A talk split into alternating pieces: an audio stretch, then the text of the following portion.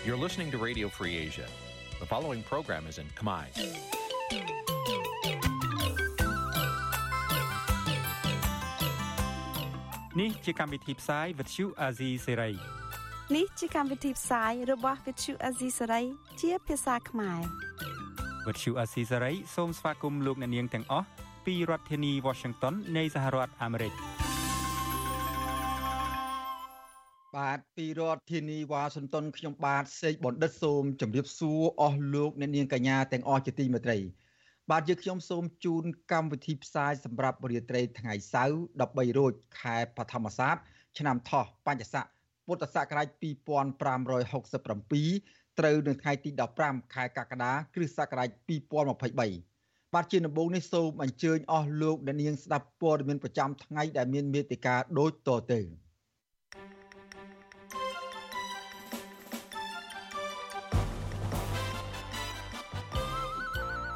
បងប្រុសកញ្ញាសេងធីរីស្នើសុំឲ្យរដ្ឋមន្ត្រីការបរទេសអាមេរិកលើករឿងឃុំខ្លួនកញ្ញាខុសច្បាប់ទៅជជែកផ្ទាល់ជាមួយលោកហ៊ុនសែនក្នុងកិច្ចប្រជុំកំពូលអាស៊ាននៅឥណ្ឌូនេស៊ីមន្ត្រីគណៈបកប្រឆាំងថារដ្ឋមន្ត្រីការពារជាតិត្រៀមពង្រាយកងកម្លាំងប្រដាប់អាវុធនៅថ្ងៃបោះឆ្នោតដើម្បីគម្រាមប្រជាពលរដ្ឋរសាមន្ត្រីបកភ្លើងទៀនទៀមទីអាញាធរដោះលែងប្តីមកវិញ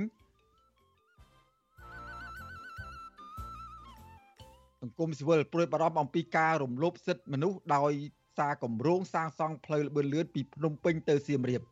រួមនឹងព័ត៌មានសំខាន់សំខាន់មួយចំនួនទៀត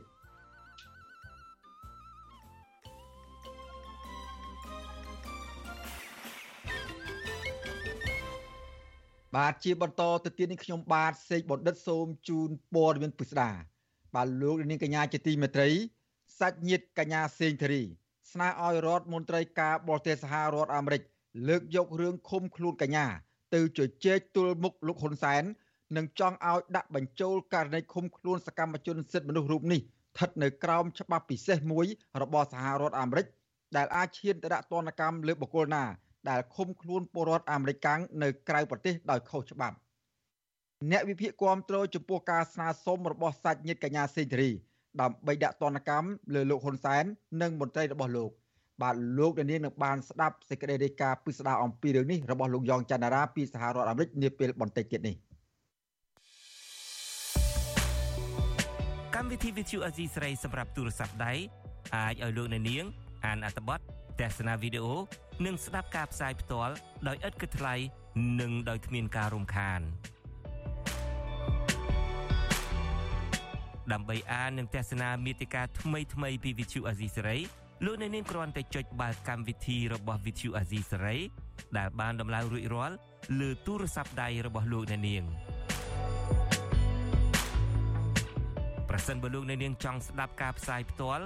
ឬការផ្សាយចាស់ចាស់សូមចុចលើប៊ូតុងរូប Vithu ដែលស្ថិតនៅផ្នែកខាងក្រោមនៃកម្មវិធីជាការស្រេច។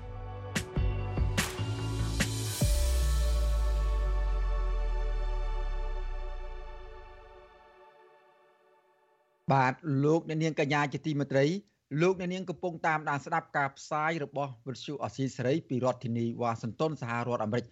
បាទឥឡូវនេះតកតងនឹងសេចក្តីរាយការណ៍ពាក់ព័ន្ធនឹងស្ថានភាពនយោបាយដែលកំពុងកើតមាននៅមុនការបោះឆ្នោតជាតិដែលនឹងចូលមកដល់នៅថ្ងៃទី23ខែកក្កដាខាងមុខនេះវិញបាទគណៈបកប្រឆាំងរិះគន់រដ្ឋមន្ត្រីក្រសួងការពារជាតិថាមានចេតនាបំផិតបំភ័យនិងគម្រិះកំហែងប្រជាពលរដ្ឋម្ចាស់ឆ្នោត តាមរយៈការដាក់ពង្រាយកងកម្លាំងប្រដាប់អាវុធនិងសមត្ថកិច្ចពាក់ព័ន្ធនៅក្នុងថ្ងៃបោះឆ្នោតបាទប្រតិកម្មនេះគឺបន្ទាប់ពីរដ្ឋមន្ត្រីក្រសួងការពារជាតិលោកទាបាញ់បានប្រកាសនៅឲ្យកងកម្លាំងប្រដាប់អាវុធត្រូវសហការជាមួយនឹងសមត្ថកិច្ចពាក់ព័ន្ធដើម្បីរារាំងសកម្មភាពបំផ្លិចបំផ្លាញការបោះឆ្នោតនៅកម្ពុជា បាទសូមស្ដាប់សេចក្តីរាយការណ៍អំពីរឿងនេះរបស់អ្នកស្រីម៉ៅសុធានីពីរដ្ឋធានីវ៉ាស៊ីនតោន មន្ត្រីគណៈបពប្រឆាំងលើកឡើង ថាការដាក់ពង្រាយកងកម្លាំងប្រដាប់ដោយអាវុធធុនធ្ងន់និងកងកម្លាំងសមត្ថកិច្ចជំនាញមិនបានជួយការពារសន្តិសុខដល់ប្រជាពលរដ្ឋនៅថ្ងៃបោះឆ្នោតនោះទេក៏ប៉ុន្តែផ្ទុយទៅវិញ គឺជារូបភាពគម្រាមកំហែងប្រជាពលរដ្ឋច្រើនជាងការពារសវត្ថិភាព អតីតតំណាងរាជគណៈបក្សសង្គ្រោះជាតិលោកអ៊ុំសំអានប្រាប់បច្ចុប្បន្នស៊ីស្រីនៅថ្ងៃទី15ខែកក្កដាថានេះមិនមែនជារឿងថ្មីទេ សម្រាប់គណៈបកកណ្ដាលអំណាចដែលតែងតែចល័តតបប្រមូលកងកម្លាំងប្រដាប់អាវុធមុនការបោះឆ្នោតនោះគឺជារូបភាពគម្រាមកំហែងកំញាញដល់ប្រជាពលរដ្ឋទៅបោះឆ្នោតមិនឲ្យគូសសัญลักษณ์ឆ្នោតចោល លោកកត់សម្គាល់ថាបញ្ហានេះមិនមែនជាការបំផិតបំភ័យតែប្រជាពលរដ្ឋនោះទេក៏ប៉ុន្តែគឺជាសារដាស់តឿនដល់មន្ត្រីនៅក្នុងជួរគណៈបកប្រជាជនកម្ពុជាមួយចំនួន ដែលចង់រារាំងដល់ការផ្ទេរអំណាចតពូជពីលោកហ៊ុនសែនទៅកូនប្រុសច្បងរបស់លោកគឺលោកហ៊ុនម៉ាណែតផងដែរ។ លោកអ៊ុំសំអានបន្ថែមទៀតថាលោកទាបាញ់គួរតែយកកម្លាំងទ័ពដែលបំពាក់ដោយអាវុធទំនើបទំនើបនោះទៅដាក់នៅតាមព្រំដែនដើម្បីការពារទឹកដីវិញ ប្រសើរជាងពីព្រោះការបោះឆ្នោតគឺជាការសម្រេចចិត្តរបស់ពលរដ្ឋមិនមែនជាការធ្វើសង្គ្រាមដែលត្រូវការកងកម្លាំងយាមគ្រប់ច្រកល្ហកនោះឡើយ។ បាទខ្ញុំយល់ថាប្រជាពលរដ្ឋនៅគេនឹងគូសសម្រាប់ច្រត់ចោលមានចំនួនច្រើនព្រោះគេពេញចិត្តទៅនឹងការដឹកនាំផ្ដាច់ការពូជអញ្ចឹងហើយការដឹកនាំនោះតាមរយៈការរំលាយគណៈបកឆាំងជាគណៈបកធំគណៈបកប្រឆាំងធំដែលអាចយកឈ្នះទៅលើគណៈបកប្រជាជនជាពិសេសគឺការបំផ្លាញប្រជាធិបតេយ្យនិងការការរំលោភសិទ្ធិមនុស្សការដឹកនាំប្រទេសហ្នឹងបកពួកនិយមគ្រួសារនិយមតឡាការមិនឯករាជ្យប្រជាពលរដ្ឋមានការងារធ្វើហើយរោងចក្រមួយចំនួនត្រូវបិទចាក់មួយចំនួនត្រូវជួការងារទៅដល់កម្មករអត់ការងារធ្វើការបំផ្លិចបំផ្លាញទុនធានធម្មជាតិរដ្ឋមន្ត្រីក្រសួងការពារជាតិលោកទាបាញ់កាលពីថ្ងៃទី14ខែកក្កដាថ្លែងក្នុងឱកាសអបអរសាទរខួបលើកទី30នៃទិវាបង្កើតកងរាជអាវុធហត្ថនៅខេត្តកំពង់ឆ្នាំងថាកងកម្លាំងរាជអាវុធហត្ថត្រូវបំពាក់សម្ភារៈសភាវុធសហការជាមួយក្រសួងពាក់ព័ន្ធអាជ្ញាធរមានសមត្ថកិច្ច ចូលរួមការពារសន្តិសុខរក្សាសណ្ដាប់ធ្នាប់សាធារណៈនិងសวัสดิភាពសង្គមដើម្បីការពារគ្រប់សកម្មភាព ពីជនណាម្នាក់ឬក៏បកនយោបាយណាមួយ ដែលប៉ុនប៉ងបំផ្លាញដល់ដំណើរការបោះឆ្នោតជ្រើសតាំងតំណាងរាស្ត្រនីតិកាលទី7ខាងមុខបើទោះបីជាមានការដាក់កងកម្លាំងរាជអាវុធហត្ថធ្វើឡើង ក្នុងគោលបំណងការពារសន្តិសុខបោះឆ្នោតក្តីក៏វត្តមានរបស់កម្លាំងយោធាទាំងនោះ ត្រូវបានគេមើលឃើញថាมันមានភាពឯករាជ្យនោះឡើយដោយលំអៀងទៅរកបកកណ្ដាលអំណាចជាពិសេសគឺក្រុមគូសាររបស់លោកនាយករដ្ឋមន្ត្រីហ៊ុនសែន ជុំវិញបញ្ហានេះនាយកប្រតិបត្តិអង្គការឃ្លាំមើលការបោះឆ្នោតនៅកម្ពុជាហៅកាត់ថានិហ្វិចលោកសំគុណធីមី មានប្រសាសន៍ថាការដាក់កងកម្លាំងប្រដាប់អាវុធមកពីក្រសួងការពារជាតិបន្ថែម គឺជារឿងមិនចាំបាច់ពីព្រោះកន្លងមកការបោះឆ្នោតមានតែប៉ូលីសជួយសម្រួលចរាចរណ៍ដល់ប្រជាពលរដ្ឋនិងការពារសន្តិសុខគឺគ្រប់គ្រាន់ហើយ លោកថាកម្លាំងសមត្ថកិច្ចពុំមានសិទ្ធិចូលក្នុងការិយាល័យបោះឆ្នោត និងមិនត្រូវមានការប្រមូលផ្ដុំគ្នាក្នុងមណ្ឌលបោះឆ្នោតនោះឡើយ។ ខ្ញុំខ្ញុំមើលទៅដំណើរការរបស់ឆ្នោតនោះមិនបាច់បន្ថែមក៏បានដែរក៏តែប្រើតែកម្លាំងដូចឆ្នោតមុនមុនអញ្ចឹងណាបាទប្រឡងមកអញ្ចឹងណាគោមិនមានអីទេពីមុនមកមានគណៈបកខាងគណៈបកចូលរួមច្រើនផងហើយតែនេះហើយនេះអត់មានគណៈបកផ្សេងទៀតធ្វើអីផងមានគណៈបក18មែនប៉ុន្តែគណៈបកខ្លះមិនមានប្រជាប្រិយភាពដូចគណៈបកផ្សេងទៀតទេណាដូច្នេះមិនមានអីដែលគួរឲ្យបារម្ភច្រើនណាបាទខ្ញុំមើលទៅ ការបោះឆ្នោតនៅសប្តាហ៍ខាងមុខត្រូវបានសហគមន៍ជាតិនិងអន្តរជាតិចាត់ទុកថាជាការបោះឆ្នោតបង្ក្រប់កិច្ចដោយសារតែការផាត់ចោលគណៈបកនយោបាយធំជាងគេ គឺគណៈបកភ្លើងទៀនដែលមានសម្លេងបរដ្ឋគ្រប់គ្រងជិត2លាននាក់កាលពីបោះឆ្នោតគុំសង្កាត់ឆ្នាំ2022លើសពីនេះរដ្ឋាភិបាលលោកហ៊ុនសែន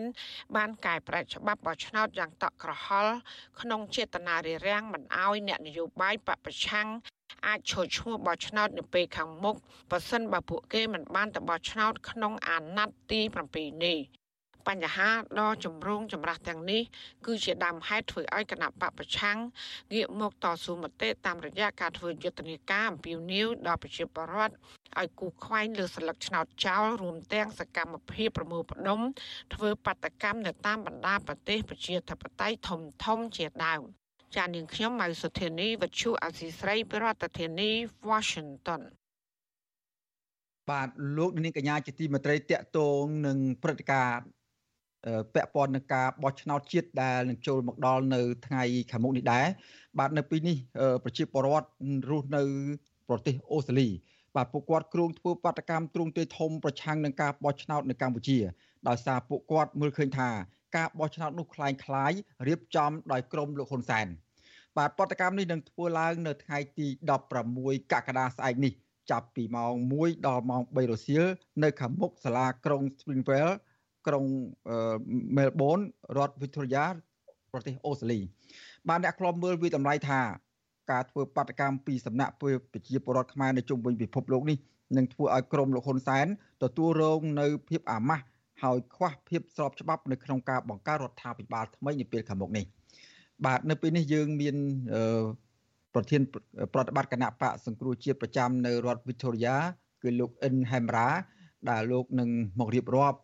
លំអិតអំពីគម្រោងធ្វើបាតកម្មនៅថ្ងៃស្អែកនេះតើគឺធ្វើយ៉ាងយ៉ាងដូចម្ដេច ហើយមានការចូលរួមយ៉ាងដូចម្ដេចខ្លះពីប្រជាពលរដ្ឋ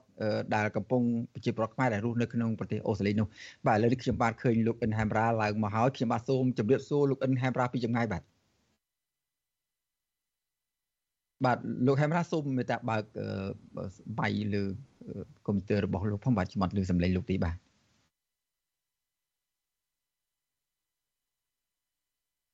បាទតែខ្ញុំនៅតែមិនទាន់ឮអាច បាទឥឡូវឮខ្ញុំទេបាទលោកហែមរ៉ាបាទខ្ញុំខ្ញុំខ្ញុំឮលោកលេងខ្ញុំឮបាទបាទអរគុណឥឡូវខ្ញុំក៏ឮលោកដែរឥឡូវយើងអាចសន្ទនាគ្នាបានហើយដំបូងនេះចង់ឲ្យលោករៀបរាប់ដោយលោកដឹងហើយថានៅថ្ងៃស្អែកនេះប្រជាពលរដ្ឋខ្មែរនៅប្រទេសអូស្ត្រាលីគ្រោងរៀបចំធ្វើបាតកម្មមួយ ដែលប្រឆាំងនឹងការបោះឆ្នោតនៅថ្ងៃទី23ខែកក្កដាខាងមុខនេះដោយពួកគាត់ចាត់ទុកថាការបោះឆ្នោតនោះគឺជាការបោះឆ្នោតคล้ายៗរៀបចំដោយក្រមគ្រួសារតកោហ៊ុន បាទតើពិធីធ្វើបាតកម្មដែលនឹងចាប់ដើមនៅថ្ងៃស្អែកនេះអឺគឺរៀបចំយ៉ាងដូចម្តេចដែរអាចលោកអាចរៀបរាប់បន្តិចបានទេបាទបាទអរគុណអាស៊ីសេរីដែលផ្ដល់ឱកាសឲ្យខ្ញុំដើម្បីជម្រាបជូនពីវិទ្យពីបដកម្មដែលយើងនឹងរៀបចំឡើងនៅរដ្ឋ Melbourne នៅមុខទីក្រុងនៅ Springvale Town Hall មុខ City Hall នៅ Springvale បាទ បាតកម្មនេះដូចយើងបានដឹងហើយថាយើងធ្វើបាតកម្មដើម្បីប្រឆាំងនឹងការបោះឆ្នោតខ្លាំងខ្លាយព្រោះយើងជាប្រជាពលរដ្ឋខ្មែរដែលនៅប្រទេសអូស្ត្រាលីជាពិសេសនៅទីក្រុង Melbourne នេះយើងមិនអាចនៅស្ងៀមឃើញកោជបនៅប្រទេសខ្មែរដែលជាកោជបដែលមិនឯករាជ្យនឹងធ្វើការរៀបចំការបោះឆ្នោតតែมันមានគណៈបកប្រកួតប្រជែងពិតប្រាកដគណៈបកប្រកួតប្រជែងគឺគណៈបកប្រឆាំងដែលមានប្រជាពលរដ្ឋគ្រប់គ្រងរាប់សិបលាននេះហើយនេះក៏ជាលើកទី2ហើយ ដែលគោជបក៏ដូចជាលោកនាយករដ្ឋមន្ត្រីហ៊ុនសែននឹងរៀបចំការបោះឆ្នោតដែលមិនមានគណៈបកប្រឆាំងការធ្វើបាតកម្មនេះយើងនឹងធ្វើនៅទីក្រុង Melbourne នៅមុខ Springvale Town Hall យើងមានប្រជាពលរដ្ឋចូលរួមហើយមានអង្គការខ្មែរយើងមួយចំនួននឹងចូលរួមព្រមទាំងកម្ពុជាក្រោមចូលរួមផងដែរបាទបាទអរគុណអឺលោកអិនហែមរ៉ាក្រៅពីការជួបជុំគ្នាសម្ដែងមតិ ប្រតិកម្មទៅ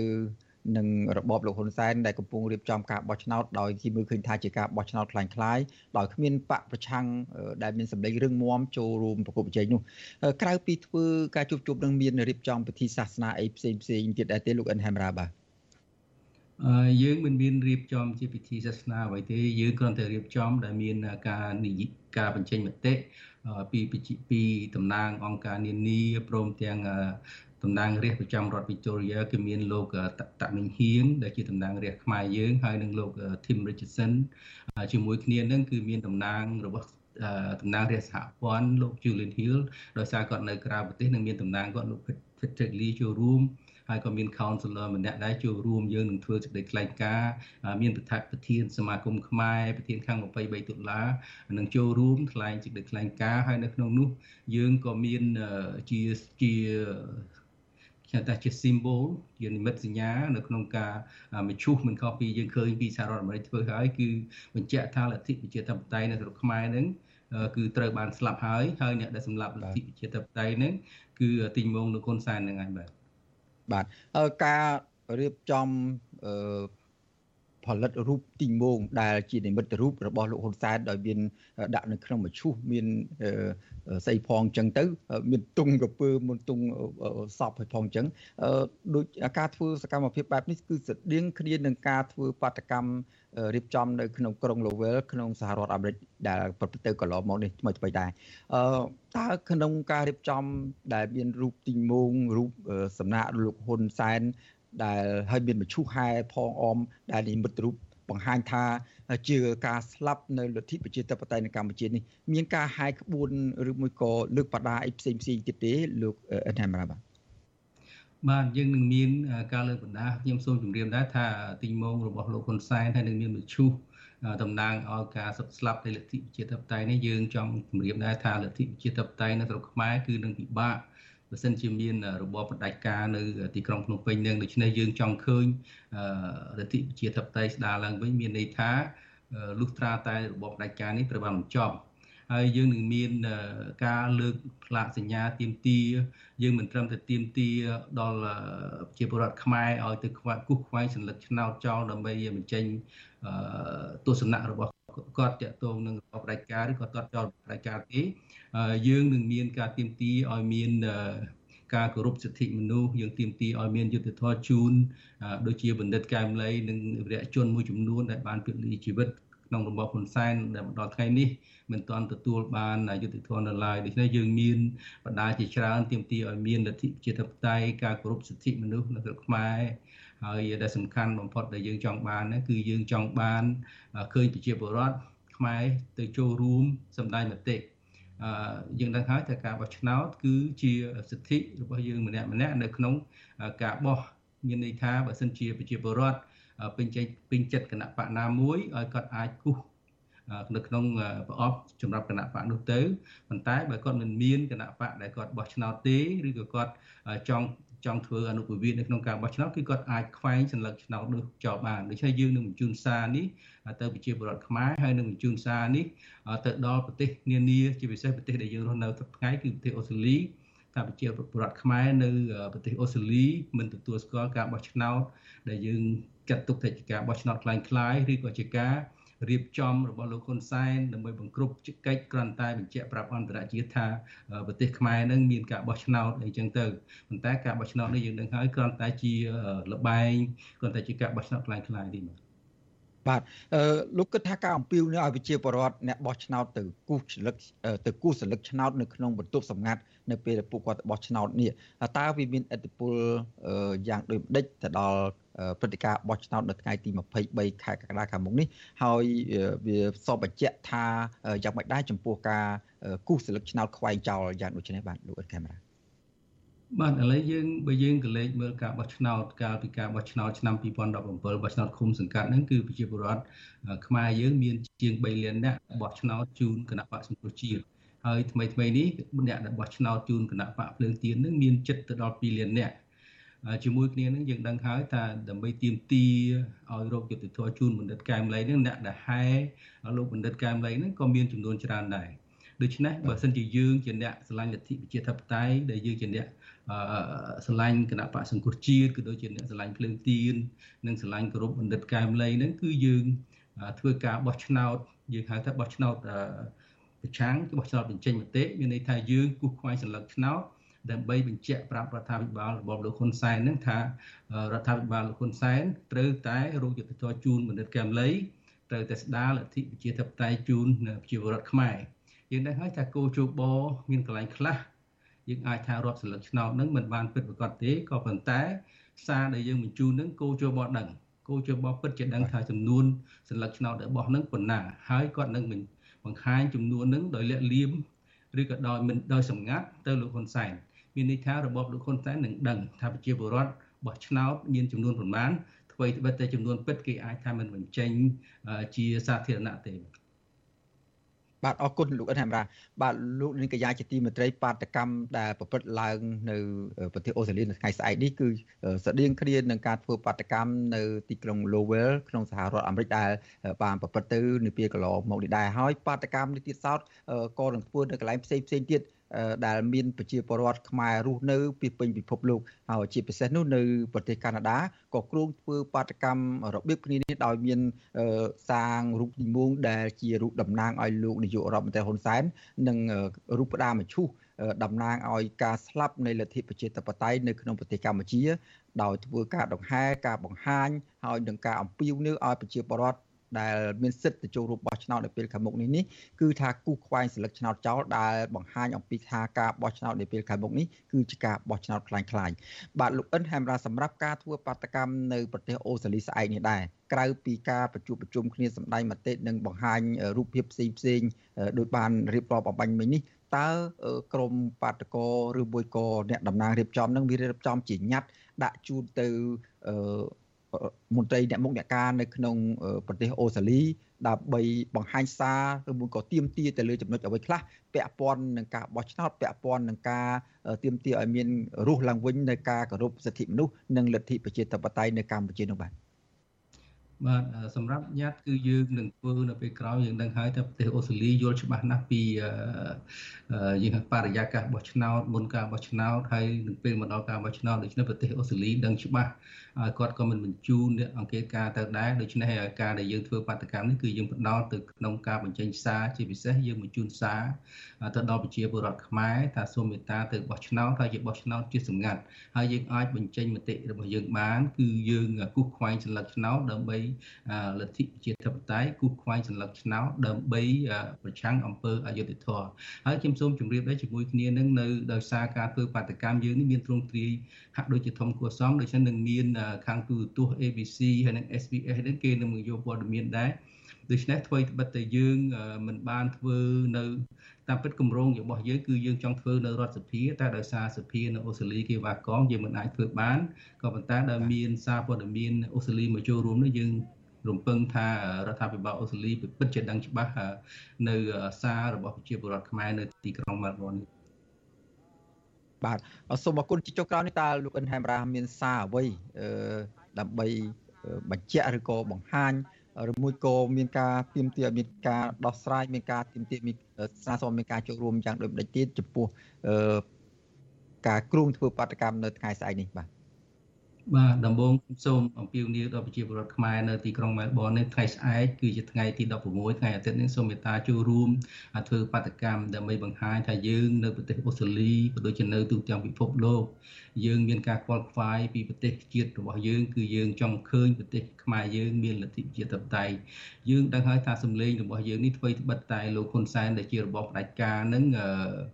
មិនយកទៅគិតគូរបានវែងឆ្ងាយទេក៏ប៉ុន្តែយើងដឹងថាអន្តរជាតិនឹងដាក់សម្ពាធហើយសារដែលយើងបញ្ជូននៅក្នុងការគូសខ្វែងនេះគឺជាសារដែលបញ្ជូនទៅគាត់ផ្ទាល់ដូច្នេះគាត់ដឹងថាប្រជាពលរដ្ឋខ្មែរចាប់ដើមភ្ញាក់រលឹកប្រជាពលរដ្ឋខ្មែរអាចនឹងបះបោបើសិនជាមានការគៀបសង្កត់រឹតទៅខ្លាំងទៅទៀតដូច្នេះអ្វីដែលយើងធ្វើនេះបើសិនជាយើងអាចនាំគ្នាទៅគូសខ្វែងសន្លឹកឆ្នោតបានទាំងអស់នៅពេលនោះរបស់ផ្ដាច់ការនឹងមានការរង្គោះរង្គើហើយដូច្នេះសូមមេត្តាចូលរួមឲ្យបានច្រើនប្រកបបាទ បាទសូមអរគុណលោកអិនហែមរ៉ាដែលជាមន្ត្រីតំណាងឲ្យ គណៈបកសង្គ្រោះជាតិនៅក្នុងប្រទេសអូស្ត្រាលីដែលបានផ្ដល់បទសភាជាមួយនឹងវិទ្យុអស៊ីសេរីពាក់ព័ន្ធនឹងកម្រងធ្វើបាតកម្មនៅថ្ងៃស្អែកនេះដើម្បីប្រឆាំងនឹងការបោះឆ្នោតនៅក្នុងប្រទេសកម្ពុជាដែលនឹងប្រព្រឹត្តទៅនៅថ្ងៃទី23ខែកក្កដាខាងមុខនេះហើយសូមជម្រាបលាហើយក្រុមការងារអស៊ីសេរីនឹងតាមដានផ្ទាល់នៅការធ្វើបាតកម្មនៅថ្ងៃស្អែកនេះជាពិសេសលោកថាថៃនឹងពិនិត្យមើលរឿងនេះបន្ថែមទៀតនៅថ្ងៃស្អែកនេះផ្ទាល់តែម្ដងហើយយើងនឹងផ្សាយអំពី ការចូលរួមរបស់ប្រជាពលរដ្ឋខ្មែរនៅប្រទេសអូស្ត្រាលីក្នុងការចូលរួមធ្វើបដកម្មនៅថ្ងៃស្អែកនេះបាទសូមអរគុណជំរាបលោកទៅប៉ុណ្ណេះសិនបាទអរគុណសេរីបាទអរគុណបាទលោកនាងកញ្ញាជាទីមេត្រីលោកនាងកំពុងតាមដានស្ដាប់ការផ្សាយរបស់វិទ្យុអស៊ីសេរីពីរដ្ឋធានីវ៉ាស៊ីនតោនសហរដ្ឋអាមេរិកបាទឥឡូវនេះយើងមិនទាន់ទៅណាឆ្ងាយអំពីសំណុំរឿងនៃការគោរពសិទ្ធិមនុស្សការគោរពលទ្ធិប្រជាធិបតេយ្យនិងការឃុំខ្លួនសកម្មជននយោបាយនៅក្នុងប្រទេសកម្ពុជានោះទេ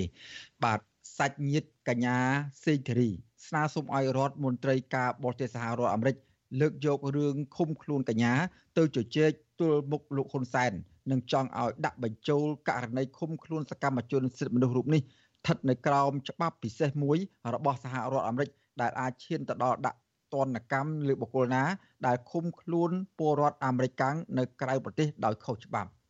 បាទអ្នកវិភាគគាំទ្រចំពោះការស្នើសុំរបស់សាច់ញាតិកញ្ញាសេងធារីដើម្បីដាក់ទណ្ឌកម្មលើលោកហ៊ុនសែននិងមន្ត្រីរបស់លោក បាទពីរដ្ឋធានីវ៉ាស៊ីនតោនលោកយ៉ងច័ន្ទរា មានសេចក្តីរាយការណ៍លម្អិតអំពីរឿងនេះបងប្រុសកញ្ញាសេងធីរីអ្នកជំនាញច្បាប់និងជាសកម្មជនសិទ្ធិមនុស្សចង់ឲ្យរដ្ឋាភិបាលសហរដ្ឋអាមេរិកចាត់វិធានការបន្ថែមនៅក្នុងការជំរុញរដ្ឋាភិបាលលោកហ៊ុនសែនដោះលែងប្អូនស្រីរបស់លោកឲ្យមានសេរីភាពវិញ បងប្រុសកញ្ញាសេងធីរីគឺលោកសេងម៉ាឌីលើកឡើងតាមរយៈសេចក្តីថ្លែងការណ៍មួយកាលពីថ្ងៃទី13ខែកក្កដាដោយស្នើឲ្យរដ្ឋមន្ត្រីការបរទេសសហរដ្ឋអាមេរិកលោក Anthony Blinken លើកយកករណីឃុំខ្លួនប្អូនស្រីរបស់លោកទៅជជែកទល់មុខលោកហ៊ុនសែននៅឯកិច្ចប្រជុំអាស៊ាននាពេលខាងមុខនេះដែលរៀបចំធ្វើឡើងនៅទីក្រុងចាកាតា ប្រទេសឥណ្ឌូនេស៊ីលើសពីនេះទៅទៀតលោកក៏ស្នើឲ្យក្រសួងការបរទេសសហរដ្ឋអាមេរិក ឈប់ពន្យាពេលនៅក្នុងការបញ្ជូនសំណុំរឿងកញ្ញាសេងធីរីឲ្យស្ថិតនៅក្រោមច្បាប់ស្តីពីការចាប់ឃុំខ្លួនពលរដ្ឋអាមេរិកកាំងដោយខុសច្បាប់នៅក្រៅប្រទេស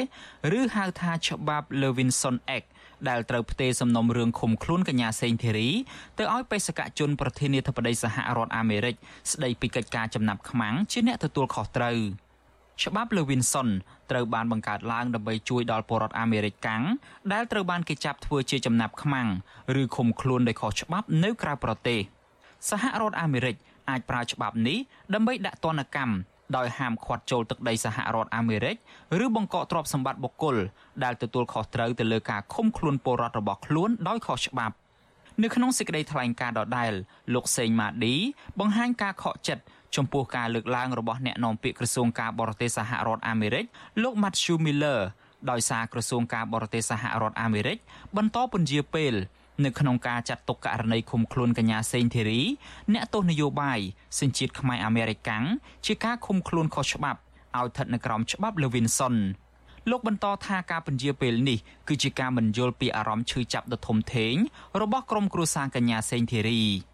ជុំវិញការលើកឡើងនេះវិទ្យុអាស៊ីសេរីមិនទាន់ទទួលបានការឆ្លើយតបពីអ្នកនាំពាក្យស្ថានទូតសហរដ្ឋអាមេរិកប្រចាំនៅកម្ពុជា អ្នកស្រី Stephanie Azad តាមសារអេឡិចត្រូនិកនៅឡើយទេ នៅថ្ងៃទី15ខែកក្កដាកញ្ញាសេងធីរីគឺជាមេធាវីខាងសិទ្ធិមនុស្សដ៏ឆ្នើមម្នាក់ដែលត្រូវបានសាច់ញាតិរួមទាំងសកម្មជនសិទ្ធិមនុស្សនិងអង្គការសហប្រជាជាតិផងចាត់ទុកថាជាអ្នកតស៊ូមតិដោយមិនខ្លាចញញើតអស់ជាច្រើនឆ្នាំមកហើយ នៅក្នុងការលើកកម្ពស់សិទ្ធិសេរីភាពលទ្ធិប្រជាធិបតេយ្យនិងសិទ្ធិមនុស្សនៅកម្ពុជាសមត្ថកិច្ចក្រុងភ្នំពេញបានចាប់ខ្លួនកញ្ញាសេងធីរីកាលពីថ្ងៃទី14ខែមិថុនាឆ្នាំ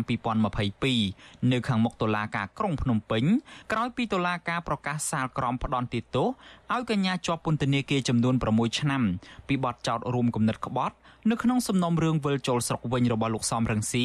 កាលពីឆ្នាំ2019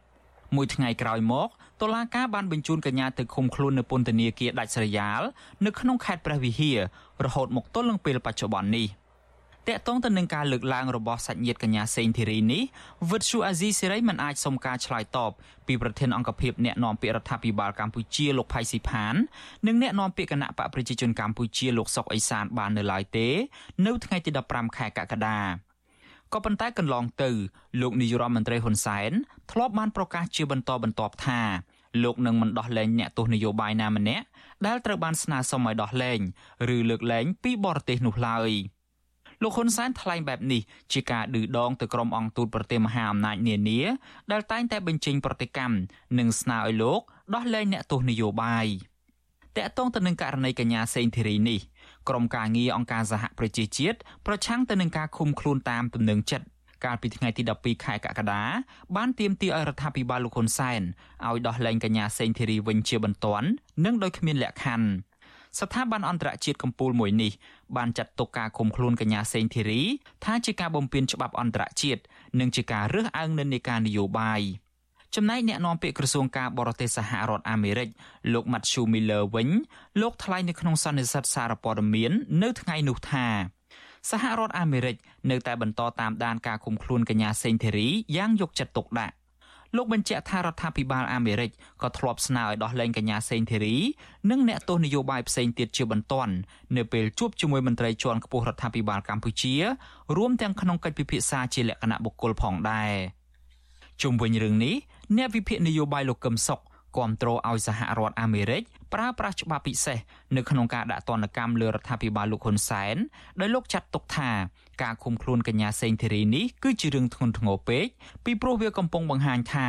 រដ្ឋាភិបាលលោកហ៊ុនសែនកំពុងធ្វើទិរណកម្មទៅលើសេរីភាពនិងសិទ្ធិមនុស្សជាសកលតែម្ដងមិនមែនគ្រាន់តែទិរណកម្មផ្លូវកាយនិងផ្លូវចិត្តលើកញ្ញាសេងធីរីដែលជាអ្នកតស៊ូដើម្បីសេរីភាពនិងយុត្តិធម៌សង្គមនោះឡើយ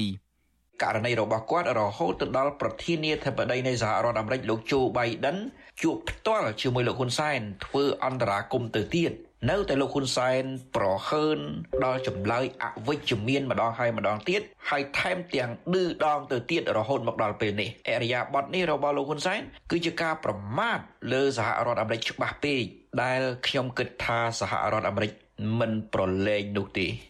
ករណីផ្ដន់ទោសនឹងចាប់ឃុំខ្លួនកញ្ញាសេងធីរីនេះត្រូវបានសមាជិកសភាសហរដ្ឋអាមេរិកចាត់ទុកថាជាឧទាហរណ៍មួយនៃការរំលោភសិទ្ធិមនុស្សធ្ងន់ធ្ងរប្រព្រឹត្តដោយរបបដឹកនាំរបស់លោកហ៊ុនសែនសមាជិកសភាសហរដ្ឋអាមេរិកទាំងពីរគណៈបកទាំងនៅក្នុងសភាជាន់ទាបនិងជាន់ខ្ពស់កាលពីថ្ងៃទី14ខែកក្កដា បាននាំគ្នាដាក់ស្នើឡើងវិញនៅច្បាប់ស្តីពីសិទ្ធិមនុស្សនិងលទ្ធិប្រជាធិបតេយ្យកម្ពុជា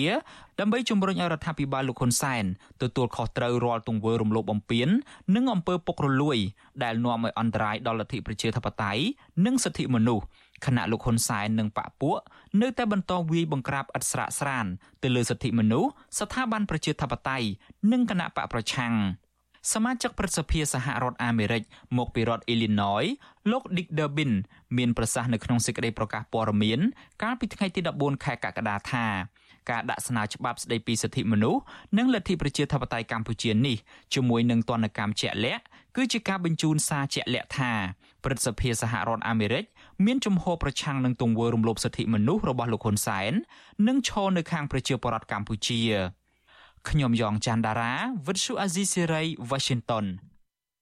បាទលោកនាងកញ្ញាជាទីមេត្រីឥឡូវនេះតកតងនឹងសកម្មជនគណៈបកប្រឆាំងដែលកំពុងជាប់ឃុំនៅក្នុងពន្ធនាគារវិញ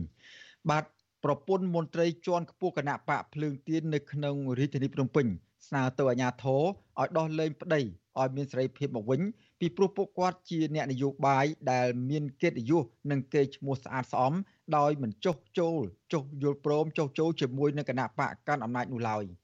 បាទមន្ត្រីសិទ្ធិមនុស្សមើលឃើញថា ការចាប់ខ្លួនសមាជិកគណៈបកប្រឆាំងនេះធ្វើឲ្យបរិយាកាសនយោបាយនៅមុនការបោះឆ្នោតកាន់តែរួមតូចជាពិសេសរងការរិះគន់ពីសហគមន៍អន្តរជាតិបន្ថែមទៀតបាទសូមស្ដាប់សេចក្តីរាយការណ៍ដាច់ដライមួយទៀតរបស់អ្នកស្រីម៉ៅសុធីនីពីរដ្ឋធានីវ៉ាស៊ីនតោនក្រុមគ្រួសារចាត់ទុកការចាប់ប្រកាន់និងការចាប់ខ្លួនសកម្មជនបកភ្លើងទៀនទាំងនោះ ថាជាការធ្វើទុកបុកម្នេញផ្នែកនយោបាយ ប្រពន្ធមន្ត្រីគណៈបកភ្លើងទៀននៅរាជធានីភ្នំពេញលោកលីរី គឺលោកស្រីលីកំហួងប្រាប់វត្ថុអសីស្រីក្រោយពេទ្យប៉ូលីសស្លៀកពាក់ឯកសន្តាននិងស៊ីវិលប្រមាណ20នាក់បានចាប់ប្តីលោកស្រីដល់ផ្ទះដោយគ្មានដីកានោះមកដល់ពេលនេះលោកស្រីនៅមិនទាន់ដឹងមូលហេតុតាក់ទងនឹងការចាប់ខ្លួននិងមិនបានទទួលដំណឹងពីសុខទុក្ខប្តីយ៉ាងណានៅឡើយ។ លោកស្រីចាត់ទុកការចាប់ខ្លួនប្តីទាំងកំរោននេះថាជារឿងនយោបាយដោយសារមុនពេលដែលប្តីលោកស្រីត្រូវបានចាប់ខ្លួន គឺលោកលីរីត្រូវបានមន្ត្រីគណៈបកកាន់អំណាចអូសទាញឲ្យចុះចូលជាមួយគណៈបកប្រជាជនកម្ពុជាជាច្រើនដង ដោយសន្យាផ្ដល់លុយកាក់ក៏ប៉ុន្តែគាត់តែងតែបដិសេធគ្មានអ្នកណាទទួលយកបានគឺចាប់ដោយគ្មានតែការហើយគឺគ្មានកំហុសខ្ញុំហូចចិត្តអត់ដឹងនិយាយថាអ្វីអត់ដឹង លើសលើសពីអាក្រក់ទៀតណាឃើញអញ្ចឹងពេកខ្ញុំប្តីខ្ញុំក៏អត់មានកំហុសអីតែត្រូវចាប់គាត់ហើយខ្ញុំចង់ដឹងថាកំហុសហ្នឹងកំហុសអីដែលត្រូវចាប់គាត់ហើយបើសិនជាគាត់គ្មានកំហុសទេគឺសុំដោះលែងគាត់មកវិញមក ស្រដៀងគ្នានេះដែរប្រពន្ធមន្ត្រីគណៈបកភ្លឹងទៀនម្នាក់ទៀតនៅរាជធានីភ្នំពេញលោកប៊ុនខេត គឺលោកស្រីកឹមសារីប្រាប់ថាត្រឹមរសៀលថ្ងៃទី15ខែកក្កដានេះអាជ្ញាធរបានឃុំខ្លួននិងសាកសួរប្តីនៅស្នងការដ្ឋាននគរបាលរាជធានីភ្នំពេញដោយមិនអនុញ្ញាតឲ្យគ្រួសារផ្ញើសម្ភារៈថ្នាំពេទ្យឬក៏ជួបមុខប្តីនោះឡើយ លោកស្រីរៀបរាប់តាំងទឹកភ្នែកថាលោកស្រីព្រួយបារម្ភពីសុខភាពប្តីជាខ្លាំងដោយសារតែគាត់មានវ័យកាន់តែចាស់និងមានជំងឺប្រចាំកាយច្រើនមុខដូចជាជំងឺលើឈាម និងជំងឺទឹកនោមផ្អែមជាដើមលោកស្រីបន្តថាប្តីលោកស្រីគឺជាអ្នកនយោបាយស្អាតស្អំដោយលះបង់ប្រយោជន៍ផ្ទាល់ខ្លួនដើម្បីជាតិហើយលោកស្រីស្នើដល់សមត្ថកិច្ចដោះលែងប្តីឲ្យមានត្រីភាពឡើងវិញ ត្រឹមត្រូវទេបងព្រោះសម្រុកមកចាប់អត់មានលេខាគាត់អត់មានដឹងកំហុសអីគាត់អត់មានទុកកំហុសអីទេគាត់គ្រាន់តែថាជាគណៈបកប្រឆាំងមួយរូបនិយាយទៅគាត់អត់ខុសអីហ្មងគេចាប់ទៅណាខ្ញុំសូមនេះអស់ញាថោដោះលែងគាត់ទៅវិញមកពួកគាត់ចាស់ហើយគាត់ទៀតណាមួយជំងឺអាលើឈាមហ្នឹងគាត់លេបថ្នាំមួយថ្ងៃហើយជំងឺទឹកនោមផ្អែមហ្នឹងក៏គាត់លេបថ្នាំមួយថ្ងៃដែរសូមឲ្យគាត់ដោះលែងវិញមកនៅជួបជុំគ្រួសារកូនចៅវិញ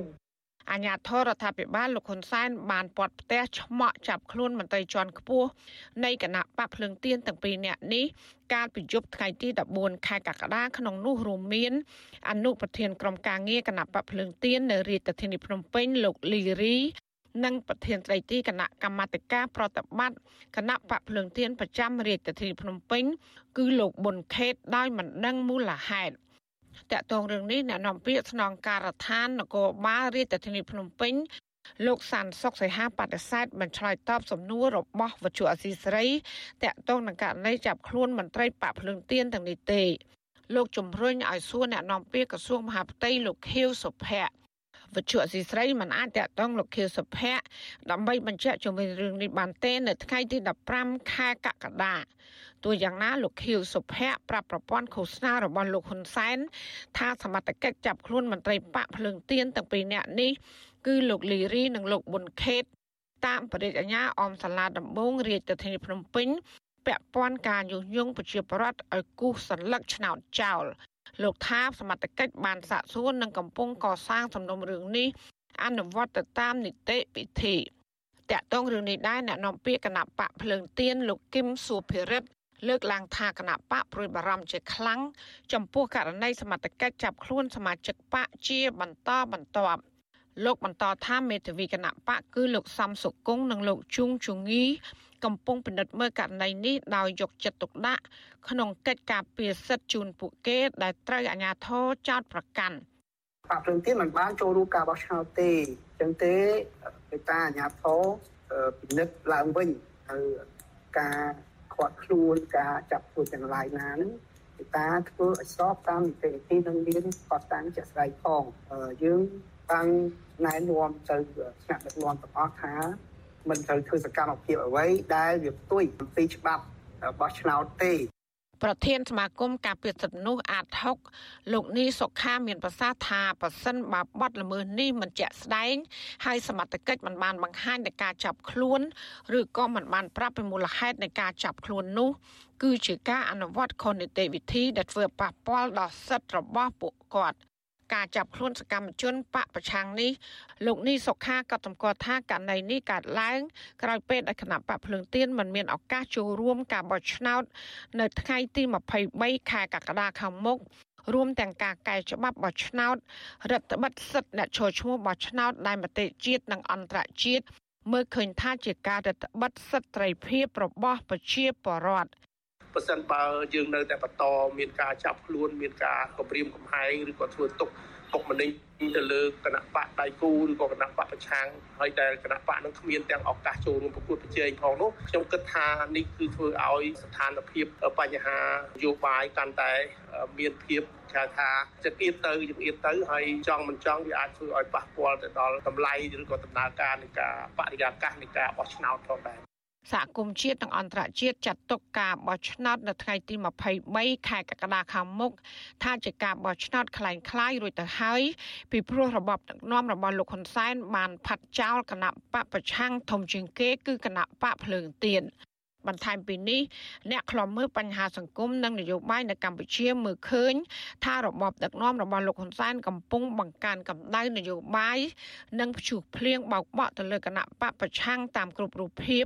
មានទាំងការគម្រាមកំហែង ការប្រើប្រាស់ប្រព័ន្ធតុលាការជាអាវុធក្នុងនោះរួមមានការបដិងទាសំណងជំងឺចិត្តរាប់សែនដុល្លារពីអនុប្រធានគណៈបកភ្លើងទៀនលោកសុនឆៃការរឹបអូសផ្ទះសម្បែងនិងដីធ្លីរបស់ឧត្តមទីប្រឹក្សាគណៈបកភ្លើងទៀនលោកគង់គំរួមទាំងការចោតប្រកាន់ការចាប់ខ្លួនលោកថាច់សិដ្ឋាននិងសកម្មជនជាច្រើនអ្នកទៀតដាក់ពន្ធនាគារកាលពីពេលថ្មីថ្មីនេះហើយដែលមតិជាតិនិងអន្តរជាតិចាត់ទុកថាជារឿងនយោបាយ ចាននាងខ្ញុំម៉ៅសុធានីវិទ្យុអសីស្រីប្រធានាធិបតី Washington បាទលោកនាងកញ្ញាជាទីមេត្រីលោកនាងកំពុងតាមដានស្ដាប់ការផ្សាយរបស់វិទ្យុអសីសេរីពីរដ្ឋធានីវ៉ាស៊ីនតោនសហរដ្ឋអាមេរិកឥឡូវនេះយើងមិនទាន់ទៅណាឆ្ងាយអំពីសំណុំរឿងការចាប់ឃុំខ្លួនអ្នកតស៊ូមតិដើម្បីយុទ្ធធរសង្គមនោះនៅឡើយទេបាទក៏ប៉ុន្តែឥឡូវនេះយើងក៏លេចទៅមើលការចាប់ឃុំខ្លួនសកម្មជនតវ៉ាសិទ្ធិដីធ្លីនៅឯខេត្តកោះកុងឯនោះវិញ បាទសកម្មជនការពារសិទ្ធិដីធ្លីលោកស្រីផៅយើងកំពុងជាប់ឃុំបណ្ដោះអាសន្ននៅក្នុងពន្ធនាគារខេត្តកោះកុងក្រៅតុលាការចោទប្រកាន់ពីបទញុះញង់ឲ្យប្រព្រឹត្តបទឧក្រិដ្ឋជាអាតដោយសារតែព្យាយាមទៅដាក់ញត្តិសុំកិច្ចអន្តរាគមន៍ពីរដ្ឋមន្ត្រីក្រសួងយុទ្ធភ័ពបាទលោកស្រីផៅយើងជាប់នៅក្នុងមន្ទីរឃុំឃាំងជាមួយនឹងកូនស្រីតូចអាយុជាង1ខួបម្នាក់ ស្របពេលដែលសុខភាពលោកស្រីក៏មិនសូវល្អពីព្រោះទើបនឹងចេញពីមន្ទីរពេទ្យវះកាត់ព្យាបាលជំងឺបាទតើការឃុំខ្លួនលោកស្រីផៅយើងនេះបង្ហាញពីអ្វីខ្លះពីទង្វើខុសឆ្គងរបស់តុលាការយ៉ាងដូចម្តេចខ្លះនៅខេត្តកោះកុងនោះបាទសូមស្ដាប់សេចក្តីរាយការណ៍ពិស្ដាររបស់អ្នកស្រីសុជីវីពីរដ្ឋធានីវ៉ាស៊ីនតោនអំពីរឿងនេះដូចតទៅ ការឃុំខ្លួនលោកស្រីផៅយើង ទាំងលោកស្រីមានជំងឺមិនទាន់ជាសះស្បើយក្រោយពីវះកាត់និងមានកូនតូចជាប់ឃុំជាមួយទាំងដែលលោកស្រីមិនបានប្រព្រឹត្តកំហុសឆ្លុះបញ្ចាំងថាតុលាការខេត្តកោះកុងពុំបានអនុវត្តត្រឹមត្រូវតាមច្បាប់ និងឈរលើគោលការណ៍មនុស្សធម៌ទេករណីដែលថាតុលាការមិនបានអនុវត្តច្បាប់ឲ្យបានត្រឹមត្រូវនោះគឺនៅត្រង់លោកស្រីផៅយើងនិងសកម្មជនជិត10នាក់ទៀតមិនបានប្រព្រឹត្តកំហុស ដែលនាំឲ្យមានករណីញុះញង់ដោយការចោទប្រកាន់ទេកូនប្រុសរបស់លោកស្រីផៅយើងយុវជនវាសនារៀបរាប់ថាម្ដាយជាស្ត្រីមេម៉ាយបានតស៊ូជាច្រើនឆ្នាំមកហើយដើម្បីតែការពារដីធ្លីនិងជួយបរិវត្តផ្សេងទៀតនៅក្នុងសហគមន៍ហើយថ្ងៃដែលម្ដាយត្រូវអាជ្ញាធរចាប់ខ្លួនក៏មិនមែនជាថ្ងៃប្រព្រឹត្តបទល្មើសអ្វីទាំងអស់ម៉ាក់ខ្ញុំគ្រាន់តែទៅដាក់ញត្តិទេដោយសារតែយើងមានបញ្ហាដីធ្លីពិតប្រាកដមែនហើយយើងត្រូវការ រកជំនួយដោះស្រាយបញ្ហាវិវាទដីធ្លីរបស់យើងក៏ដូចជារឿងស្នើសុំអីផ្សេងផ្សេងទៅកាន់ថ្នាក់ដឹកនាំដោយសារតែយើងមានជំនឿជឿជាក់លើថ្នាក់ដឹកនាំបានយើងទៅសុំប៉ុន្តែផ្ទុយមកវិញបែរជាមានការចាប់ខ្លួនរបស់ម៉ាក់របស់ខ្ញុំក៏ដូចជាគ្រួសារ ភូមិសហគមន៍របស់ខ្ញុំអញ្ចឹងសូមឲ្យសម្ដេចមេត្តាជួយក្រុមគ្រួសាររបស់ពួកខ្ញុំព្រោះពួកខ្ញុំសិតតែជាអ្នកដែលក្រីក្រលំបាកវេទនាខ្លាំងណាស់ហើយបើសិនជាបាត់បង់ដីធ្លីហើយហើយត្រូវមានក្រុមគ្រួសារមានអ្នកចាប់ខ្លួនទៀតអញ្ចឹងក្រុមគ្រួសារខ្ញុំរំពឹងអីអញ្ចឹងខ្ញុំវេទនាមែនទែននៅក្នុងសហគមន៍ខ្ញុំក្នុងវ័យ48ឆ្នាំលោកស្រីផៅយើងស្ថិតនៅក្នុងចំណោមស្ត្រីខ្មែរជាច្រើនអ្នកដែលឈានមុខប្រើប្រាស់សិទ្ធិការពារដីធ្លី ប្រឆាំងការរំលោភយកពីអ្នកមានអំណាចមានទ្រព្យសម្បត្តិឬហៅថាការបណ្តេញចេញដោយបង្ខំជីវិតរបស់លោកស្រីមិនងាយស្រួលទេព្រោះជាស្ត្រីមេម៉ាយមានកូន5នាក់នៅក្នុងបន្ទុកបញ្ហាចំនួនដីធ្លីរ៉ាំរ៉ៃជាច្រើនឆ្នាំមកនេះធ្វើឲ្យលោកស្រីជួបបញ្ហារាប់មិនអស់រាប់ទាំងការបែកបាក់គ្រួសារកូនចៅពុំបានរៀនសូត្រជីវភាពគ្រួសារធ្លាក់ចុះនិងការធ្វើទុកបុកម្នេញជាច្រើនពីអាជ្ញាធរនិងក្រុមហ៊ុន ដែលប៉ុនប៉ងចង់បានដីរបស់ពលរដ្ឋ គ្រួសារលោកស្រីផៅញើមិនខុសពីពលរដ្ឋជាច្រើនរយគ្រួសារផ្សេងទៀតដែរមានចំនួនដីធ្លីជាមួយក្រុមហ៊ុនចំនួន2ដែលចូលទៅអភិវឌ្ឍនិងដាំអំពៅនៅក្នុងខេត្តកោះកុងគឺក្រុមហ៊ុនចិន Union Development Group និងក្រុមហ៊ុនរបស់លោកអុកញ៉ាហេងហ៊ុយម្ចាស់ក្រុមហ៊ុនហេងហ៊ុយ Agriculture លោកស្រីផៅញើត្រូវអាជ្ញាធរនៅក្នុងខេត្តកោះកុងចាប់ខ្លួនដាក់ពន្ធនាគារកាលពីថ្ងៃទី29ខែមិថុនា នៅពេលក្រមពលរដ្ឋមានចំនួនដីធ្លីនៅក្នុងខេត្តកោះកុងនាំគ្នាធ្វើដំណើរទៅដាក់ញត្តិសុំអន្តរាគមន៍ពីរដ្ឋមន្ត្រីក្រសួងយុតិធធលោកកើតរិទ្ធឲ្យទម្លាក់ចោលបទចោទប្រកាន់លើតំណាងសហគមន៍ចំនួន30នាក់ដែលជាប់បណ្ដឹងនៅតុលាការដោយសារបញ្ហាដីធ្លីក្រុមអង្គការសង្គមស៊ីវិលចាត់ទុកការសម្រេចឃុំខ្លួនលោកស្រីផៅញើងនិងសកម្មជន8នាក់ទៀតពីបទញុះញង់ គឺជាការចោទប្រកាន់ដែលគ្មានមូលដ្ឋានព្រោះពួកគេគ្រាន់តែលើកឡើងពីទុកកង្វល់និងសម្ដែងមតិដោយអហិង្សា ដើម្បីការពារដីធ្លីនិងសហគមន៍មន្ត្រីផ្នែកឃ្លាំមើលសិទ្ធិដីធ្លីនៃមជ្ឈមណ្ឌលសិទ្ធិមនុស្សកម្ពុជាលោកវ៉ាន់សុផាតលើកឡើងថាករណីនេះនៅតែឆ្លុះបញ្ចាំងថាតុលាការមិនអាចគេចផុតពីការរិះគន់ថាជាឧបករណ៍របស់អ្នកមានលុយមានអំណាចដើម្បីបំបិតសម្លេងពលរដ្ឋ មិនឲ្យចេញតតាំងនឹងការរំលោភយកដីធ្លីពួកគេ ដែលមិនមែនជាការអនុវត្តច្បាប់ពិតប្រាកដជាពលរដ្ឋខ្មែរដែលរងផលប៉ះពាល់ដោយសារដីធ្លីនោះភាគច្រើនគឺរងគ្រោះដោយតែភាគីម្ខាងទៀតជាក្រុមហ៊ុនជាអ្នកមានអំណាចបាទជាអ្នកមានឥទ្ធិពលអីចឹងទៅដែលចិត្តស្និទ្ធជាមួយនឹងថ្នាក់ដឹកនាំរដ្ឋអីចឹងទៅអាហ្នឹងវាពិបាកប្រជាពលរដ្ឋក្នុងការទាមទាររយយុត្តិធម៌ណាបាទអាហ្នឹងវាប៉ះពាល់ដល់គេថាបំបត្តិសេរីភាពក្នុងការជួបជុំក្នុងការបញ្ចេញមតិ រដ្ឋធម្មនុញ្ញរបស់យើងគឺចែងច្បាស់គឺថាទុកលំបាកជាពលរដ្ឋហ្នឹងបាទបញ្ហារបស់ជាពលរដ្ឋត្រូវបានយកចិត្តទុកដាក់ដោយអាជ្ញាធររដ្ឋទៅទៅវិញបច្ចុប្បន្ននេះគាត់មិនដឹងថាស្រ័យរកអ្នកណាទេយើងក្នុងរឿងចំនួនដីធ្លីជាច្រើនឆ្នាំជាមួយអង្គញាហេងហ៊ុយដែលបច្ចុប្បន្នជាមន្ត្រីជាន់ខ្ពស់នៅក្រសួងមហាផ្ទៃលោកស្រីផៅញឹងក៏ធ្លាប់ត្រូវអ្នកមានលុយមានអំណាចរូបនេះប្តឹងទៅតុលាការដែរករណីចាប់ខ្លួនលោកស្រីផៅញើងនេះ ក្រៅតែពីបង្ហាញថាតុលាការមិនបានអនុវត្តច្បាប់ឲ្យបានត្រឹមត្រូវហើយក៏បង្ហាញថាតុលាការគ្មានមនុស្សធម៌ដែរនោះក៏ដោយសារតែលោកស្រីមានជំងឺជាប់ខ្លួនទើបតែចេញពីមន្ទីរពេទ្យមិនទាន់បានមួយអាទិត្យស្រួលបួលផង ហើយថែមទាំងមានកូនតូចនៅជាប់ពន្ធនាគារជាមួយលោកស្រីផងលើពីនេះនៅឯផ្ទះនៅឯឃុំឈីខកូនកូនរបស់លោកស្រី ដែលមិនទាន់ដឹងក្តីពឹងផ្អែកតែទៅលើការថែទាំរបស់ម្ដាយនោះកំពុងខ្វះអ្នកមើលថែ កូនស្រីអាយុ8ឆ្នាំរបស់លោកស្រីផៅញើង ទទូចឲ្យអាញាធរដោះលែងម្ដាយឲ្យមានសេរីភាពឲ្យមកជួបជុំមើលថែកូនកូននៅផ្ទះខ្ញុំបាត់បង់ការពាក្យថាក្តៅហើយនឹងអត់បានរៀនខ្ញុំនឹកម៉ាក់ខ្ញុំខ្ញុំចង់បានដូចគ្រួសារគេជួបជុំគ្នាខ្ញុំចង់ជួបម៉ាក់ឲ្យគេដោះលែងម៉ាក់ខ្ញុំចេញមកក្រៅខ្ញុំចង់ជួបម៉ាក់ខ្ញុំសូមឲ្យតឡាការនៅខេត្តកោះកុងជួយដោះលែងម៉ាក់ខ្ញុំពីពន្ធនាគារខ្ញុំចង់ ជួបជុំគ្រួសារវិញបន្ថែមពីលើការដង្ហោយហៅរកម្ដាយរបស់កូនកូននៅផ្ទះនេះកូនតូចរបស់លោកស្រីផៅយើងដែលកំពុងនៅជាមួយម្ដាយវិញក៏កំពុងបាត់បង់សិទ្ធិសេរីភាពទាំងមិនទាន់ដឹងក្តីនៅឡើយហើយអាចនឹងជួបបញ្ហានៅក្នុងការលូតលាស់បញ្ញាស្មារតីដោយសារតែនៅក្នុងពន្ធនាគារពុំមានការថែទាំសុខភាពផ្ដល់អាហារត្រឹមត្រូវនិងគ្រប់គ្រាន់សម្រាប់កុមារសកម្មជនចលនាមេដាធម្មជាតិកញ្ញាភួនកែវរស្មី ដែលធ្លាប់ជាប់ពន្ធនាគារនិងបានឃើញបទពិសោធន៍កុមារតូចជាប់ពន្ធនាគារជាមួយម្ដាយចោទសួរថាតើតុលាការខេត្តកោះកុងគ្មានក្តីមេត្តាករណាខ្លះទេឬទើបអាចដាក់ឃុំស្ត្រីជាម្ដាយនិងកូនតូចទាំងគ្មានកំហុសបែបនេះពិតជាអសិលធម៌មែនតើដែលគាត់គឺជាស្ត្រីដែលមានកូនចិត្តជាម្ដាយទោះបីជាយើងចង់ទុកកូននៅផ្ទះក៏យើងនឹកកូនក៏យើងមិនដាច់ចិត្តពីកូន កូនដែលធ្លាប់តែនៅក្បែរទ្រូងដែលធ្លាប់តែមើលថែនឹងពួកគាត់មិនមានកំហុសអីទេហើយសូមឲ្យដោះលែងពួកគាត់ទៅហើយជាពិសេសក៏គួរតែគិតគូរទៅដល់អនាគតហើយជាពិសេសហ្នឹងគឺក្មេងៗបើទោះបីជាម្នាក់ក៏ដោយក៏គាត់ជាអនាគតរបស់ប្រទេសជាតិដែរហើយគ្រប់គ្នាសុទ្ធតែមានសិទ្ធិស្មើគ្នាចំពោះមុខច្បាប់ហើយកន្លងមកយើងមើលឃើញតែអ្នករំលោភយកដីធ្លីគេហ្នឹងគឺជាអ្នកដែលរស់នៅសោយសុខសុខស្រួលទៅលើកំណោទុករបស់អ្នកដែលត្រូវបានគេរំលោភយកដីធ្លីចា៎វិទ្យុអាស៊ីសេរីមិនអាចតាក់ទងแนะនាំពាក្យសាលាដំបងខេត្តកោះកុង លោកស៊ូសវណ្ណារាដើម្បីឆ្លើយតបបញ្ហានេះបាននៅឡើយទេ កាលពីថ្ងៃទី12ខែកក្កដាតកតងនឹងកុមារតូចជាប់ពន្ធនាគារជាមួយម្ដាយនេះអង្គការសិទ្ធិមនុស្សលីកាដូកាលពីដើមខែមិថុនាបានទទូចឲ្យអាជ្ញាធរពាក់ព័ន្ធដោះស្រាយជាបន្ទាន់វិបត្តិកើនឡើងចំនួនកុមារជាប់ឃុំ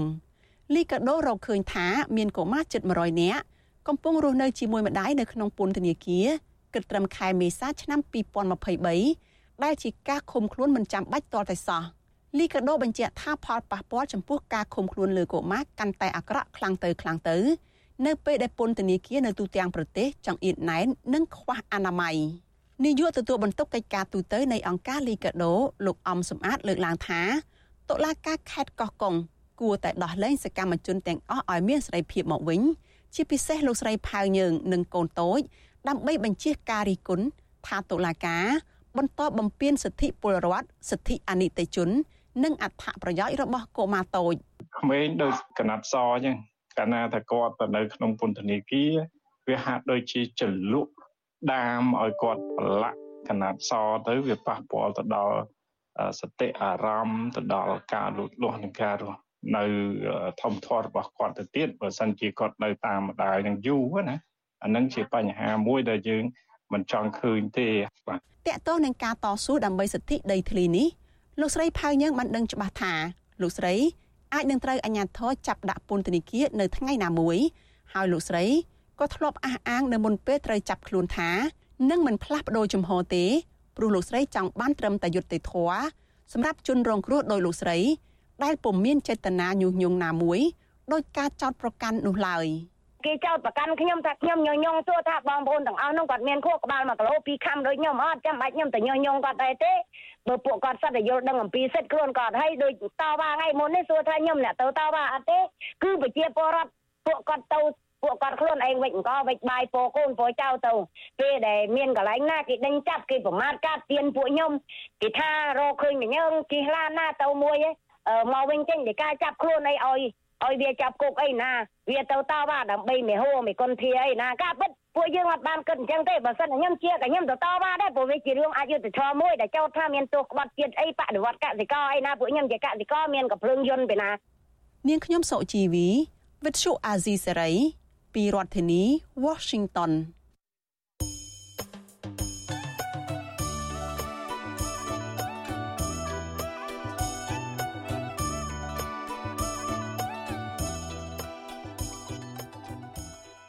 បាទលោកនាងកញ្ញាជាទីមេត្រីលោកនាងកំពុងតាមដានស្ដាប់ការផ្សាយរបស់វិទ្យុអសីសេរីពីរដ្ឋធានីវ៉ាស៊ីនតោនសហរដ្ឋអាមេរិកបាទចំពោះលោកនាងដែលកំពុងតាមដានស្ដាប់ការផ្សាយរបស់យើងខ្ញុំតាមរយៈរលកវិទ្យុរលកធារកាខ្លីឬ software នោះនៅពេលនេះយើងខ្ញុំសូមខន្តីអភ័យទោសចំពោះបើសិនជាលោកអ្នកនាងមិនអាចបើកស្ដាប់រលកវិទ្យុរលកធារកាខ្លី software ឬក៏ស្ដាប់មិនសូវច្បាស់នៅពេលនេះយើងខ្ញុំសូមខន្តីអភ័យទោសពីព្រោះយើងទើបទទួលដំណឹងថា ប្រទេសវៀតណាម បានប្រើប្រាស់បច្ចេកវិទ្យាទំនើបរាំងខ្ទប់ការផ្សាយរបស់វិទ្យុអស៊ីសេរីជាភាសាខ្មែរលើរលកធាតុអាកាសវិទ្យុរលកធាតុអាកាសខ្លី short wave បាទហើយមកទល់នឹងពេលនេះយើងនៅមិនទាន់ដឹងពីមូលហេតុពិតដែលប្រទេសវៀតណាម បែរមករារាំងការផ្សាយជាភាសាខ្មែរมันអាចឲ្យអ្នកស្រុកខ្មែរស្ដាប់ការផ្សាយរបស់វិទ្យុអស៊ីសេរីតាមវិទ្យុរលកធាតុអាកាសខ្លីឬ short wave នៅពេលនោះនោះទេ បាទយើងបន្តតាមដានករណីជាបន្តទៀតថាមកពីមូលហេតុអ្វីឲ្យពិតប្រាកដនោះបាទទន្ទឹមគ្នានេះលោកកញ្ញាលោកនាងកញ្ញានៅតែអាចស្ដាប់ការផ្សាយរបស់វិទ្យុអស៊ីសេរីបានតាមរយៈបណ្ដាញសង្គម Facebook YouTube និងប្រព័ន្ធ Instagram ព្រមទាំងប្រព័ន្ធទេព្រមទាំងប្រព័ន្ធ Telegram ផងដែរបាទក្រៅពីលោកនាងក៏អាចស្ដាប់ការផ្សាយរបស់វិទ្យុអស៊ីសេរីតាមរយៈ App របស់វិទ្យុអស៊ីសេរីបានដែរ បាទលោកនាងអាចស្វែងរក app របស់យើងដោយសរសេរពាក្យថា RFA ខ្មែរទាំងនៅលើប្រព័ន្ធ iPhone និង Android បាទ app របស់យើងអាចផ្ដល់លទ្ធភាពជូនដល់លោកអ្នកនាងស្ដាប់ការផ្សាយរបស់យើងផ្ទាល់និងទស្សនាវីដេអូថ្មីថ្មីព្រមទាំងស្ដាប់អាននិងទស្សនានៅកម្មវិធីផ្សាយដែលយើងផ្សាយរួចមកហើយបាទសូមអរគុណ បាទឥឡូវនេះពាក់ព័ន្ធនឹងការអភិវឌ្ឍផ្លូវថ្នល់នៅក្នុងប្រទេសកម្ពុជាឯនោះវិញបាទមន្ត្រីសង្គមស៊ីវិលព្រួយបារម្ភអំពីផលប៉ះពាល់ដល់ដីស្រែនិងដីលំនៅឋានរបស់ប្រជាពលរដ្ឋនិងជំរុញឲ្យសិក្សាពីផលប៉ះពាល់ព្រមទាំងដោះស្រាយផ្ដល់សំណងឲ្យបានសមរម្យទៅដល់ប្រជាពលរដ្ឋជាមុនសិនមុននឹងអនុវត្តគម្រោងសាងសង់ផ្លូវលឿនលឿនពីភ្នំពេញទៅកាន់ខេត្តសៀមរាប។ បាទការលើកឡើងនេះបន្ទាប់ពីរដ្ឋាភិបាល បង្កើតគណៈកម្មការដើម្បីធ្វើផ្លូវលបឿនលឿនពីរាជធានីភ្នំពេញ ទៅខេត្តសៀមរាបដែលស្នើសុំវិនិយោគដោយក្រុមហ៊ុនសាជីវកម្មថ្នល់និងស្ពានចិនហៅកាត់ថា CRBC បាទសូមស្ដាប់សេចក្តីរាយការណ៍របស់លោកយ៉ងច័ន្ទរាមួយទៀតអំពីរឿងនេះពីរដ្ឋធានី Washington ប្រជាពលរដ្ឋដែលមានដីស្រែចំការនិងផ្ទះសម្បែងនៅអមសងខាងគម្រោងសាងសង់ផ្លូវលបឿនលឿនពីភ្នំពេញទៅខេត្តសៀមរាបអាចប្រឈមទៅនឹងការរងគ្រោះប្រសិនបើរដ្ឋាភិបាលមិនបានសិក្សាពីផលប៉ះពាល់និងដោះស្រាយផ្ដាល់សំណងដល់ពលរដ្ឋរងគ្រោះឲ្យបានសមរម្យទៅតាមគោលការណ៍ច្បាប់ទេនោះហេតុដូច្នេះហើយទើបមន្ត្រីអង្គការសង្គមស៊ីវិលជំរុញឲ្យរដ្ឋាភិបាលដោះស្រាយផលប៉ះពាល់ជូនប្រជាពលរដ្ឋជាមុនសិនមុននឹងចាប់ផ្ដើមអនុវត្តគម្រោងមួយនេះ។ រដ្ឋាភិបាលឯកបៈលោកហ៊ុនសែនបានបង្កើតគណៈកម្មការមួយដើម្បីពន្លឿនការងារគម្រោងធ្វើផ្លូវលបឿនលឿនភ្នំពេញសៀមរាបកាលពីថ្ងៃទី13ខែកក្កដាគណៈកម្មការអន្តរក្រសួងនេះមានសមាជិកមន្ត្រីចំនួន26នាក់ ក្នុងនោះរដ្ឋមន្ត្រីក្រសួងសាធារណការនិងដឹកជញ្ជូនលោកសុនចន្ទថុលជាប្រធាន និងអនុប្រធានវិញ មានអគ្គលេខាធិការក្រុមប្រឹក្សាអភិវឌ្ឍកម្ពុជា CDC លោកសុកចិន្តាសោភារដ្ឋលេខាធិការប្រចាំការក្រសួងសេដ្ឋកិច្ចលោកវង្សសីវិសុទ្ធនិងរដ្ឋលេខាធិការក្រសួងសាធារណការលោកសួងហេងគណៈមន្ត្រីផ្សេងទៀតគឺជាសមាជិកគណៈកម្មការអន្តរក្រសួងមួយនេះ មានតួនាទីដើម្បីជំរុញការអនុវត្តគម្រោងហេដ្ឋារចនាសម្ព័ន្ធផ្លូវលបឿនលឿនតភ្ជាប់ពីរាជធានីភ្នំពេញទៅខេត្តសៀមរាបដែលស្នើសុំវិនិយោគដោយក្រុមហ៊ុនចិន China Road and Bridge Corporation ក្រោមទម្រង់វិនិយោគសាងសង់ធ្វើអាជីវកម្មផ្ទេរមួយវិញទៀតគណៈកម្មការអន្តរក្រសួងមួយនេះមានភារកិច្ចពិនិត្យផ្ដល់យោបល់អំពីក្របខ័ណ្ឌគតិយុត្តនិងរូបភាពនៃការវិនិយោគទៅលើគម្រោងហេដ្ឋារចនាសម្ព័ន្ធផ្លូវ គណៈកម្មការអន្តរក្រសួងមួយនេះក៏ត្រូវជំរុញគម្រោងហេដ្ឋារចនាសម្ព័ន្ធផ្លូវលបឿនលឿនខាងលើឲ្យបានសម្រេចជាស្ថាពរដើម្បីរួមចំណែកពន្លឿនការអភិវឌ្ឍច្រករបៀងរាជធានីភ្នំពេញខេត្តសៀមរាបជុំវិញរឿងនេះមន្ត្រីសម្របសម្រួលគម្រោងសិទ្ធិដីធ្លីនៃអង្គការមជ្ឈមណ្ឌលសិទ្ធិមនុស្សកម្ពុជាលោកវ៉ាន់សុផាតលើកឡើងថារាល់គម្រោងអភិវឌ្ឍរបស់រដ្ឋាភិបាលតែងតែធ្វើឲ្យប្រជាពលរដ្ឋនៅតាមមូលដ្ឋានរងគ្រោះនិងរងនៅអំពើអយុត្តិធម៌ ដោយសារតែរដ្ឋាភិបាល និងស្ថាប័នពាក់ព័ន្ធមិនបានចុះសិក្សាស្រាវជ្រាវឲ្យបានត្រឹមត្រូវនោះទេលោកក៏សម្គាល់ថា នៅពេលមានផលប៉ះពាល់ទៅលើពលរដ្ឋរដ្ឋាភិបាល និងក្រុមហ៊ុនមិនបានដោះស្រាយសងសំណងសមរម្យឲ្យប្រជាពលរដ្ឋឡើយហេតុដូច្នេះហើយទើបធ្វើឲ្យមានការរំលោភសិទ្ធិមនុស្សកើតឡើង នៅក្នុងប្រទេសកម្ពុជា លោកវ៉ាន់សុផាតជំរុញឲ្យអាជ្ញាធរពាក់ព័ន្ធសិក្សានិងចូលរួមដោះស្រាយពីផលប៉ះពាល់ជាមុនសិនមុននឹងធ្វើការអភិវឌ្ឍអ្វីមួយដោយគិតពីផលប្រយោជន៍ប្រជាពលរដ្ឋជាធំ។ វិវត្តធ្វើម៉េចឲ្យនឡាទៅតាមច្បាប់ជាតិនិងច្បាប់អន្តរជាតិដែលយើងបានរឹតដល់វិចារបានទៅគឺអត់មានប៉ះពាល់អីទេហើយមួយទៀតគួរតែផ្អែកទៅតាមម្ដងថាគោលការណ៍ណែនាំរបស់អង្គការសហប្រជាជាតិដីអំពីដីញាធុរកិច្ចនិងសិទ្ធិមនុស្សនឹងដំណើរទៅការទៅដោយរលូនដោយមិនមានប៉ះពាល់ការរំលោភសិទ្ធិរបស់ប្រជាពលរដ្ឋទេអញ្ចឹងយើងអភិវឌ្ឍរាល់ថ្ងៃគឺថាវាអត់អនុលោមទៅតាមហ្នឹងអញ្ចឹងអាការអភិវឌ្ឍរបស់យើងគឺថាត្រូវដាក់រដុបណាស់វាចេះវាចូលអញ្ចឹងទៅមានការមិនពេញចិត្តពីមតិជាតិនិងអន្តរជាតិនៅក្នុងពិធីចុះហត្ថលេខាលើកិច្ចព្រមព្រៀងក្របខ័ណ្ឌគម្រោងផ្លូវលបឿនលឿនរាជធានីភ្នំពេញសៀមរាបប៉ោយប៉ែតជាមួយនឹងក្រុមហ៊ុនសាជីវកម្មស្ពាននិងថ្នល់របស់ចិន កាលពីថ្ងៃទី7ខែមិថុនាឆ្នាំ2023រដ្ឋមន្ត្រីក្រសួងសាធារណការនិងដឹកជញ្ជូនលោកសុនចន្ទថលបានឲ្យដឹងថាគម្រោងផ្លូវលបឿនលឿនភ្នំពេញសៀមរាបប៉ោយប៉ែតបានបញ្ចប់ការសិក្សាជាបឋមកាលពីចុងខែឧសភាកន្លងទៅ លោកបញ្ជាក់ថាគម្រោងនេះចំណាយទឹកប្រាក់ប្រមាណ4000លានដុល្លារតាមការវាយតម្លៃបឋមគម្រោងផ្លូវលបឿនលឿននេះមានប្រវែងសរុបចំនួន400គីឡូម៉ែត្រដោយចេញពីភ្នំពេញទៅសៀមរាប មានប្រវែង250គីឡូម៉ែត្រនិងពីសៀមរាបទៅប៉ោយប៉ែតមានប្រវែង150គីឡូម៉ែត្រចំពោះគម្រោងផ្លូវលបឿនលឿនទី3របស់កម្ពុជានេះអាចនឹងបើកការដ្ឋានសាងសង់យ៉ាងយូរបំផុតត្រឹមចុងឆ្នាំ2024ប្រសិនបើពុំមានអ្វីរាំងស្ទះទេនោះ ខ្ញុំយ៉ងច័ន្ទដារាវិទ្យុអាស៊ីសេរី Washington បាទលោកនាងកញ្ញាជាទីមេត្រីពីខេត្តបន្ទាយមានជ័យនៅវិញបាទប្រជាពលរដ្ឋម្នាក់រស់នៅខេត្តបន្ទាយមានជ័យនៅថ្ងៃទី14ខែកក្កដារងរបួសធ្ងន់ដោយសារផ្ទុះមីនពេលដែលពួកគាត់កំពុងតែបើកបរគ្រឿងចាក់កិនដីធ្វើផ្លូវលំនៅក្នុងភូមិបន្ទាយឃុំអូបីជាន់ស្រុកអូជ្រៅ បាទជនរងគ្រោះលោកសុកហ៊ីងអាយុ68ឆ្នាំរស់នៅសង្កាត់និមិត្តក្រុងប៉ោយប៉ែតខេត្តបន្ទាយមានជ័យបាទលោកបានរងរបួសក្បាលនិងចិញ្ចើមដោយសារតែអំបែងកញ្ចក់គ្រឿងចាក់និងត្រូវបានដឹកបញ្ជូនទៅព្យាបាលនៅមន្ទីរពេទ្យមិត្តភាពកម្ពុជាជប៉ុនមង្គលបុរី បាទមេឃុំអូបីជាន់លោកតលសរិន មានប្រសាសន៍ប្រាប់បទសុអសីស្រីនៅថ្ងៃទី15កក្កដាថានៅក្បែរផ្លូវលំដែលកំពុងសាងសង់នេះ មានប្រមាណ40ម៉ែត្រនិងមានចំការមីនដែលអាជ្ញាធរបានចុះបោសសម្អាតមីនរួចរាល់ហើយបន្ថែមពីលើនេះទៀត